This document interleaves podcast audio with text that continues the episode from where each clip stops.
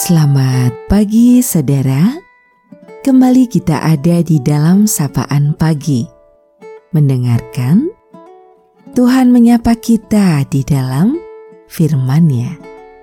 Namun sebelum kita mendengarkan sapaan dalam firman itu Mari teduhkan hatimu Kita berdoa.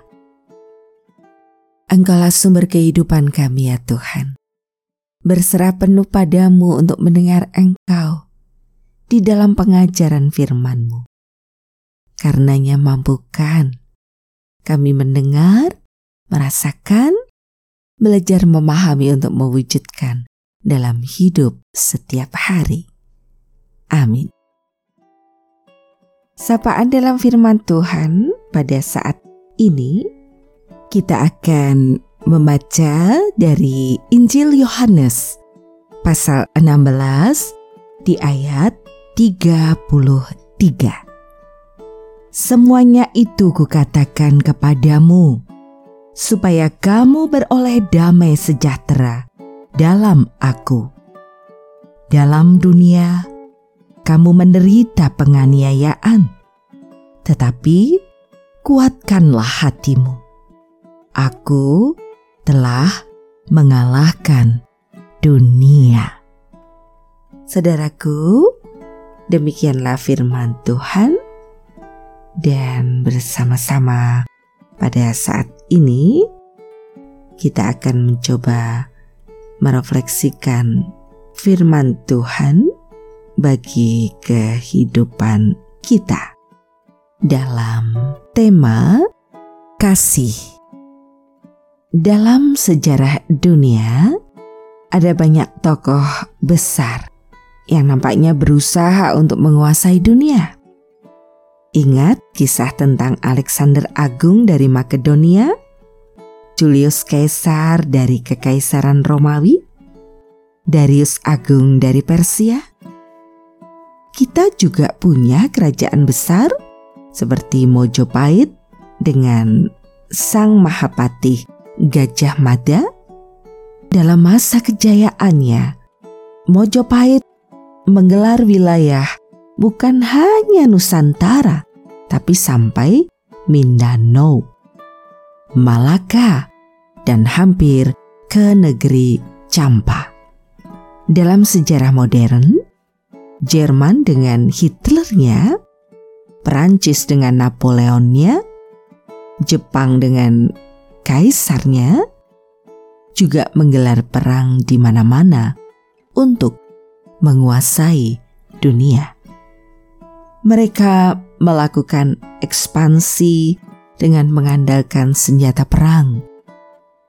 Andalannya adalah kekuatan dari pasukan, tentara yang ada, dan peralatan dari senjata yang canggih pada masanya. Namun, bagaimana dengan kisah kasih Yesus? Ya, sebaliknya, Yesus mengalahkan dunia tidak dengan peperangan. Pengaruhnya meliputi seluruh dunia sampai di pelosok-pelosok terpencil. Ia tidak menggunakan senjata, tetapi dengan kasih dan pengampunan. Kekuatan Yesus tidak pada besarnya angkatan perang dan canggihnya senjata, namun kekuatannya adalah pada kisah, kasih, dan pengorbanan. Kepada Pilatus, ia berkata bahwa kerajaannya bukan dari dunia, kekuasaannya juga bukan berasal dari dunia, tetapi diberikan dari atas, yaitu Allah Bapa. Dengan kuasa seperti itulah saudara, para muridnya berkata, Karena itu kami percaya bahwa engkau dari Allah. Maka Yesus pun menegaskan, Aku tidak seorang diri, sebab Bapa menyertai aku. Semua ini kukatakan kepadamu supaya kamu beroleh damai sejahtera dalam aku.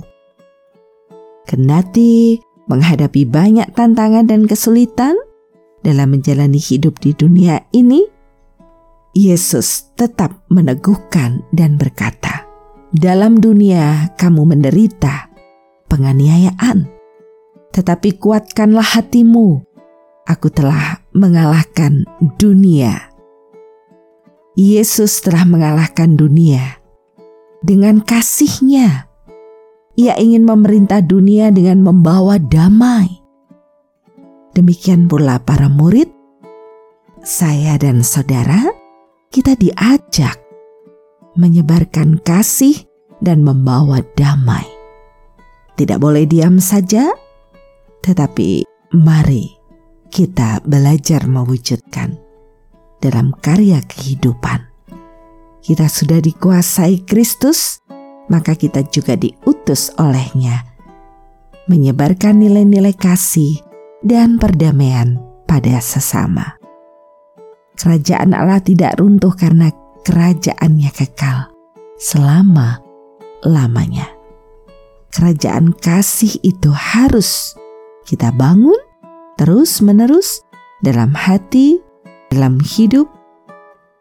Pertanyaan bagi kita adalah, apakah kita sungguh-sungguh merasa sebagai warga kerajaan Allah? Apakah kita mau dan siap untuk ikut membangun kasih dan damai demi terwujudnya kerajaan Tuhan? Tuhan menopang kita. Ia ada dalam segenap kehidupan. Ia beserta kita. Amin. Saudaraku, demikianlah sapaan pada pagi hari ini kita akan mengakhirinya di dalam doa. Ya Tuhan, terima kasih untuk penyertaan-Mu di sepanjang waktu hidup kami. Terima kasih Engkau senantiasa menopang kami. Terima kasih Engkau mengingatkan agar kami mewujudkan panggilan dalam damai sejahtera, di mana kami ada dan Tuhan tempatkan dan kami yakin rengkuhanmu menguatkan, menolong dan mengajarkan tentang cinta kasih dan kebaikan.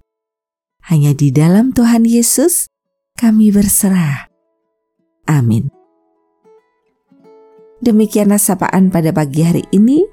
Terus dengarkan Tuhan menyapa kita di dalam firman-Nya. Saudara bersama saya, Esti Widya Stuti, pendeta jemaat Gereja Kristen Jawa Pakem ada di lereng Gunung Merapi.